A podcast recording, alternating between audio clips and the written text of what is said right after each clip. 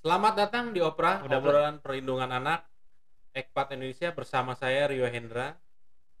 Opera ini adalah salah satu program baru Ekpat Indonesia dalam mendiskusikan isu-isu perlindungan anak khususnya di isu eksploitasi seksual anak. Nah, di sini kita sudah kedatangan eh, tamu eh, seorang pakar ahli cyber dari Universitas Bina Nusantara, Binus, eh, Dok, Bapak Dr. Bambang Pratama. Selamat datang, Pak. Ya, selamat datang. Gimana Pak kabarnya sehat kan? Alhamdulillah Oke. sehat. Dalam masa pandemi ini kan kita harus jaga kesehatan ya Pak agar kita Ya. bisa terus beraktivitas. Ya. Oke, eh, sebelumnya nih Pak, eh, kalau kita lihat ya di beberapa tahun belakangan ini kan banyak sekali kasus-kasus eksploitasi seksual anak online ya Pak, seperti pornografi anak dan macam-macam yang terjadi di Indonesia ini.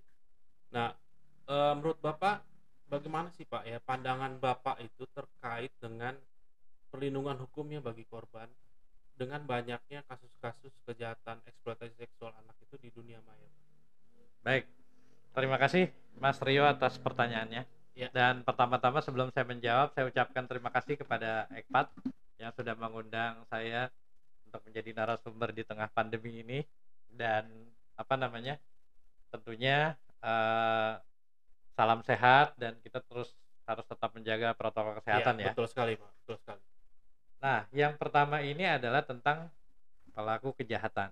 Jadi pelaku kejahatan di media online ini kan kita tidak bisa melihat hanya pada satu pihak. Iya. Karena di dalamnya ada berbagai macam peralatan, teknologi informasi, ada aktivitas, ada software, ada macam-macam yang mendukung. Oke. Di antaranya adalah misalnya tentang perlindungan data pribadi. Ya. Ketika seorang anak tereksplos um, apa namanya data pribadinya atau uh, kehidupan pribadinya sehingga memancing para pelaku untuk melakukan tindakan lanjutan yaitu Hmm. tindakan uh, eksploitasi. Itu yang pertama. Kemudian yang kedua adalah platform. Nah, platform ini sendiri memungkinkan beberapa pihak tidak hanya korban tetapi memungkinkan pelaku juga untuk melakukan satu profiling, satu tindakan grooming atau Oke. satu tindakan eksploitasi lainnya yang membuat uh, terwujudnya satu pelanggaran. Iya. Nah, ini ini juga menjadi masalah. Dan kemudian masalah awareness. Awareness dari orang tua tentunya. Iya. Dari orang tua bagaimana menjaga anaknya supaya dia tidak terlalu bablas atau berlebihan menggunakan teknologi informasi. Oke. Nah, yang terakhir adalah peran serta dari pemerintah dan platform. Nah, bagaimana pemerintah dan platform membatasi penggunaan itu terhadap anak? Hmm. karena anak ini kan dia tidak ngerti dan lagi juga banyak aplikasi-aplikasi itu yang tidak memiliki standar perlindungan jadi misalnya konten negatif dapat diakses oleh anak Iya, iya. nah ini kan juga jadi masalah Hmm. nah jadi bagian-bagian ini semua uh, mingle menjadi satu dan membuat kompleksitas perlindungan uh, anak ini termasuk eksploitasi online menjadi lebih sulit untuk dihadapi dan yang kedua dia harus dihadapi secara bersama-sama harus Oke. secara terstruktur Oke. Nah, tadi eh, menarik juga Bapak bilang bahwa platform-platform media sosial ini kan standarnya nggak sama gitu ya Pak. Ya. Hmm. Nah, bagaimana misalkan kalau ada seorang anak nih Pak ya yang, yang ternyata dia menjadi korban dalam eh, kejahatan seksual online ini di suatu platform media sosial. Ya. Apakah kita bisa menuntut platform media sosial tersebut? Karena memang mungkin standarnya terlalu umum, mungkin tidak ada standar untuk perlindungan anaknya apakah kita sebagai seorang eh, korban bisa menuntut platform media tersebut kalau di, di- dilihat dari kacamata hukum Indonesia pak baik Em, pertanggungjawaban atas kesalahan yang ada pada platform sebenarnya kalau kita mengikuti doktrin yang ada di Amerika namanya ada safe harbor. Safe harbor adalah pembatasan pertanggungjawaban dengan tanda kutip kewajiban-kewajiban tertentu. Misalnya di Amerika Serikat itu eh, perlindungan eh, platformnya adalah dengan mencantumkan website ini mengandung konten kekerasan, konten Iya. dewasa. Apakah Anda eh, berumur sekian? Ketika yes beberapa kali klik, oke. Itu yang pertama. Kemudian yang kedua, adanya juga mekanisme take down atau Hmm, suspend. ya. Sehingga ketika ada komplain, oh ini konten mengandung harassment nih, iya. kekerasan, intimidasi dan segala dan sebagainya, maka dia harus menyediakan itu. Sehingga ini dilakukan secara otomatis. Nah, doktrin ini atau limited liability eh, pertanggungjawaban eh, pembatasan kesalahan ini juga sudah diadopsi di dalam peraturan kita. Iya. Yaitu di PP 71 tahun 2019 sebagai revisi dari PP 82 2012. Nah, ini kan modelnya American based. Iya, iya. Jika platform yang berbasis Amerika tunduk dengan hukum Amerika. Amerika, iya. Nah, masalahnya adalah platform nggak hanya dari Amerika. Betul, betul. Bagaimana ketika platform dari China, Iya. TikTok Iya, misalnya, betul. atau aplikasi WeChat dan lain sebagainya. benar. Nah, ini kan tentunya compliance aturannya berbeda. Hmm, Nah, ini jadi masalah. iya. Jadi jadi double standar. Atau mungkin ada platform dari negara-negara yang nggak tahu lah dari mana tiba-tiba dia booming, yang kebetulan aturan hukumnya di bawah standar. Nah, Oh, ini kan juga jadi masalah. Nah, kalau kita mengikuti eh, aturan di Undang-Undang ITE ya di Hmm. hukum positif, maka tentunya ada persyaratan harus wajib daftar ya untuk eh, apa namanya eh, sertifikasi sistem elektronik. Ya. Ketika dia mengikuti sertifikasi sistem elektronik, maka platform memiliki standar yang sama dalam konteks hukum nasional. Iya. Nah, tetapi kan tentunya secara secara sistem Hmm, apakah iya ketika saya adalah platform di China saya tidak bermaksud untuk invest atau apa mengambil pasar di Indonesia saya harus daftar di Indonesia. Nah, ini kan masalah Iya, nih iya, ketika benar, saya punya platform. Jadi saya hanya jualan di China misalnya tetapi kebetulan banyak orang Indonesia yang pakai yang menggunakan yang ya. menggunakan. Kenapa saya harus tunduk dengan hukum Indonesia? Ini jadi masalah. Pemerintah juga nggak bisa maksa kan? Karena kata kata platformnya orang saya nggak jualan ke sana. Kebetulan aja warga negara Indonesia banyak yang pakai. Nah ini masalah-masalah. Jadi Iya, artinya bukan tidak ada aturan hukum tetapi bagaimana mengoptimalkan eh, aturan hukum tadi supaya jalan. Nah, seandainya misalkan seperti yang Pak Bambang tadi jelaskan, karena eh, si platform ini memang dia tidak mau invest di Indonesia atau menjual eh, apa produknya di Indonesia, tapi Ya. ternyata platform itu banyak digunakan di Indonesia gitu Ya. kan. Nah, berarti kan kita nggak bisa menuntut gitu kan, karena Ya. dengan begitu kan dia nggak punya kantor perwakilan di Ya. di apa di Indonesia kan. Ya. Nah, apakah pemerintah berhak memblokir Ya. platform media tersebut eh, untuk tidak beredar lagi di Indonesia untuk mencegah terjadinya hal tersebut, Pak? Ya, nah sebenarnya dalam hal ini ketika kita lihat di aturan di Undang-Undang ITE, pemerintah itu saya lupa ya pasal 40 atau pasal 41 ada kewenangan. Hmm. Jadi pemerintah Indonesia memiliki kedaulatan untuk membuka ataupun menutup akses. Oke. Nah, hanya terkadang kebijakan ini ditentang oleh sebagian kalangan yang hanya berdasarkan pemikiran subjektif. Hmm. Padahal kan ada kedaulatan sebuah Iya, negara iya, untuk membuka atau menutup. Betul. Nah, ini bisa dikatakan sebagai sensor Mm-mm. atau bisa juga dikatakan sebagai blokir. Iya. Atau bisa juga dikatakan sebagai pembatasan. Iya. Nah, ini juga masalah terminologi juga jadi penting nih.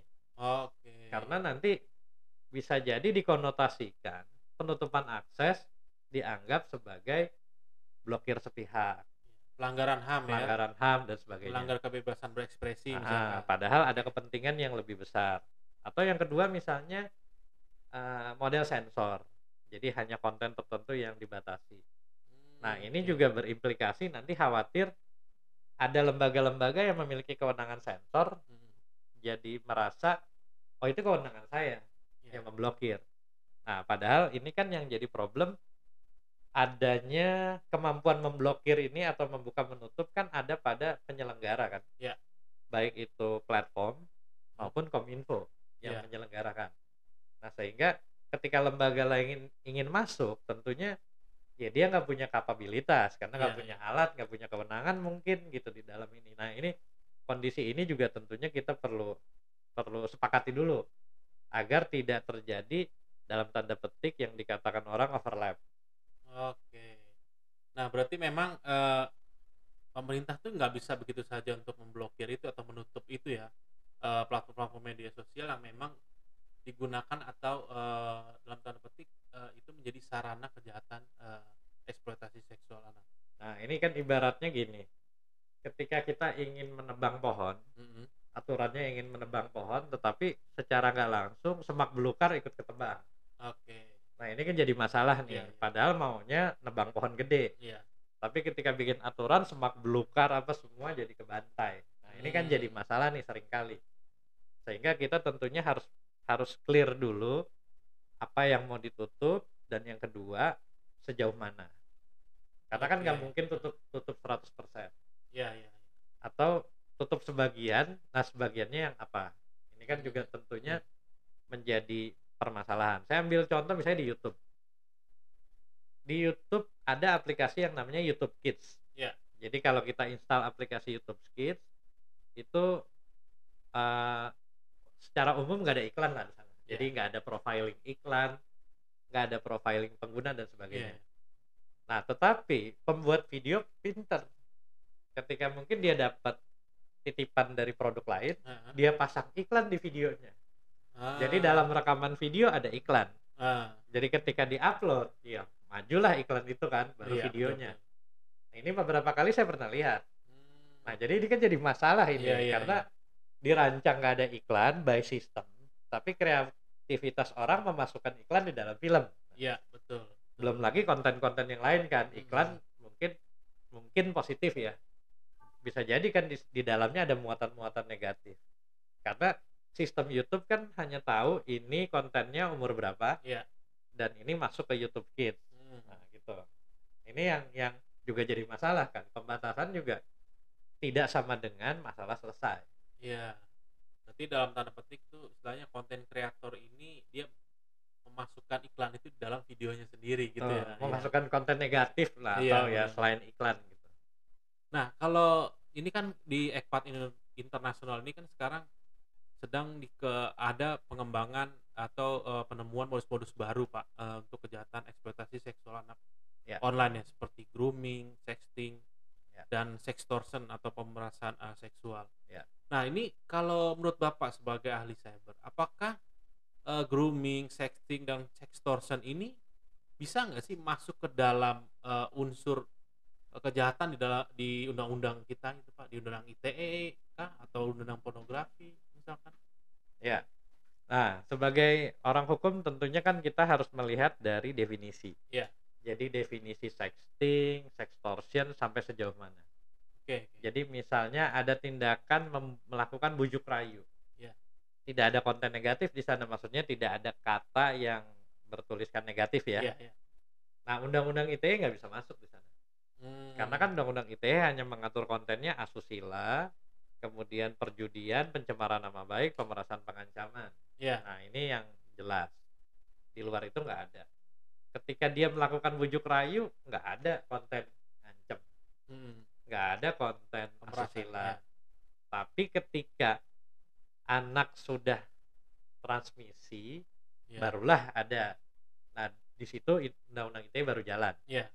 Nah, di beberapa negara, salah satunya yang saya pernah diskusi dengan counterpart ECPAT juga, eh, di Italia misalnya, bujuk rayu aja sudah bisa masuk. Nah, itu udah mulai indikasi. Jadi artinya aturan hukum sampai sejauh itu melakukan langkah Pencegahan, preventif, ya, pencegahan. pencegahan, ya. Tapi kalau kita lihat di hukum positif, di Undang-Undang ITE khususnya Iya. belum ada. Belum ada. ya. Di Undang-Undang Pelindungan Anak juga nggak diatur kan, karena Iya, yang ada. judulnya elektronik ada di ITE. Betul. Nah, jadi artinya menunggu dulu ada konten negatif baru ITE jalan. Nah, Hmm. ini jadi masalah kan sebenarnya. Jadi harus ada korban dulu, dulu iya baru bisa baru bisa masuk bisa masuk ke dalam gitu. Nah ini gimana sih Pak st- strategi kita gini atau strategi dari dari eh, Bapak sebagai ahli cyber gini eh, supaya kayak bujuk rayu ini unsur bujuk rayu ini bisa masuk. Kalau di dalam undang-undang perlindungan anak itu kan ada unsur bujuk rayunya itu ada tapi untuk melakukan persetubuhan atau eh, pencabulan. Ya. Nah ini kalau untuk kejahatan eksploitasi seksual anak itu apa sih Pak yang harus strategi dilakukan? supaya unsur ini bisa masuk loh bisa bisa dibuktikan gitu Nah, seperti yang tadi saya sampaikan, jadi artinya ini tidak tidak bisa dibebankan pada satu pihak untuk melakukan kewajiban ini. Heeh. Bisa jadi aturan hukum bagus, platform bagus, tapi memang anaknya nakal misalnya. Heeh. Anaknya iseng. Sehingga dia mencari celah untuk mencari konten negatif oke sehingga terjerumus. Heeh. Bisa jadi. Atau sebaliknya lah ya, Iya, iya. memang ada dia korban dan lain sebagainya. Nah, dalam konteks ini tentunya eh, ada satu prinsip utama yang harus dipahami ketika kita bicara cyber, Hmm. yaitu masifnya informasi, yang orang bilang free flow of information. Dengan masifnya informasi, proses in, processing dan proses out, maka tentunya sudah tidak bisa dilakukan upaya manual. Iya. Jadi harus ada upaya melalui sistem. sistem ya Jadi harus ada mekanisme sistem misalnya uh, save application for kids atau Iya, apa. iya. Dari sana ini kan lumayan menjaring nih. Iya. Barulah ada beberapa uh, langkah-langkah yang dilakukan oleh pihak-pihak apakah orang tua, sekolah mungkin, Iya, iya. pemerintah dan lain sebagainya, masyarakat sehingga ini membantu. Nah, selain itu juga tentunya mekanisme pelaporan Iya. yang mudah, Betul. cepat, gampang diakses- yang gampang diakses ya. Nah, mungkin terlihat sederhana model pelaporan. Iya. Tetapi untuk mendapatkan sebuah aplikasi yang mudah atau misalnya misalnya nih si Amir tiba-tiba mengetahui ada tindak eksploitasi anak. Iya. Langkah apa yang bisa dia lakukan tengah malam? Misalnya, Hmm, hmm, iya. apakah dia hanya mengetik berapa berapa ketikan atau berapa klik langsung terreport. Iya. Nah, sampai mekanisme itu kan penting. Makanya kan dalam sistem informasi itu ada penilaian misalnya UI UX, misalnya Iya. user interface experience. Sehingga orang kalau perlu dua kali klik sudah selesai itu semua. Iya. Nggak perlu ketik. Nah, ini kan jadi penting nih. Kadang-kadang orang bikin aplikasi kebanyakan klik, kebanyakan centang, kebanyakan next dianggap bagus. Iya. Padahal bagi user belum tentu belum kan tentu gitu. karena nggak nggak nggak semua user itu orang yang paham teknologi Pak. betul, betul gitu. Jadi model-model klik yang minimal, tetapi mampu menarik data, akurasi data Iya. dan processing lagi. Nah, ini kan bisnis prosesnya cukup cukup panjang. Iya.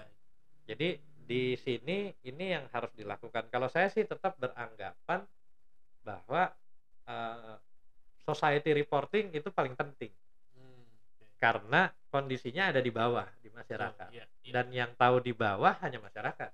Betul. Gitu. Oke, eh, terima kasih Pak Bambang atas eh, diskusinya dan juga informasi-informasi yang sangat eh, bermanfaat sekali Ya. eh, buat saya, buat Ekpat dan juga mungkin khususnya bagi masyarakat nanti yang melihat eh, podcast ini. Memang eh, di zaman serba digital sekarang ini kita benar-benar harus berhati-hati ya bahwa Ya. nggak gampang apa istilahnya walaupun digital tuh sekarang mempermudah ternyata dampaknya itu ternyata bisa mempersulit kita juga Ya. gitu kalau kita nggak paham jadi eh, terutama untuk kasus-kasus eksploitasi seksual anak secara online ini yang di mana kasusnya semakin lama semakin meningkat itu sangat sangat eh, bisa membantu sekali dengan apa yang bapak jelaskan ini dan kita harap eh, pemerintah Ya. juga sekolah sampai ke keluarga bahkan sampai ke anaknya sendiri itu bisa benar-benar bisa paham dan juga memagari dirinya juga keluarga dan juga pemerintah agar tidak terjadi lagi online ini pak. Ya. Oke pak terima kasih atas eh, kedatangannya di Opera obrolan perlindungan anak. Eh, eh, selanjutnya saya ucapkan assalamualaikum warahmatullahi wabarakatuh. Waalaikumsalam.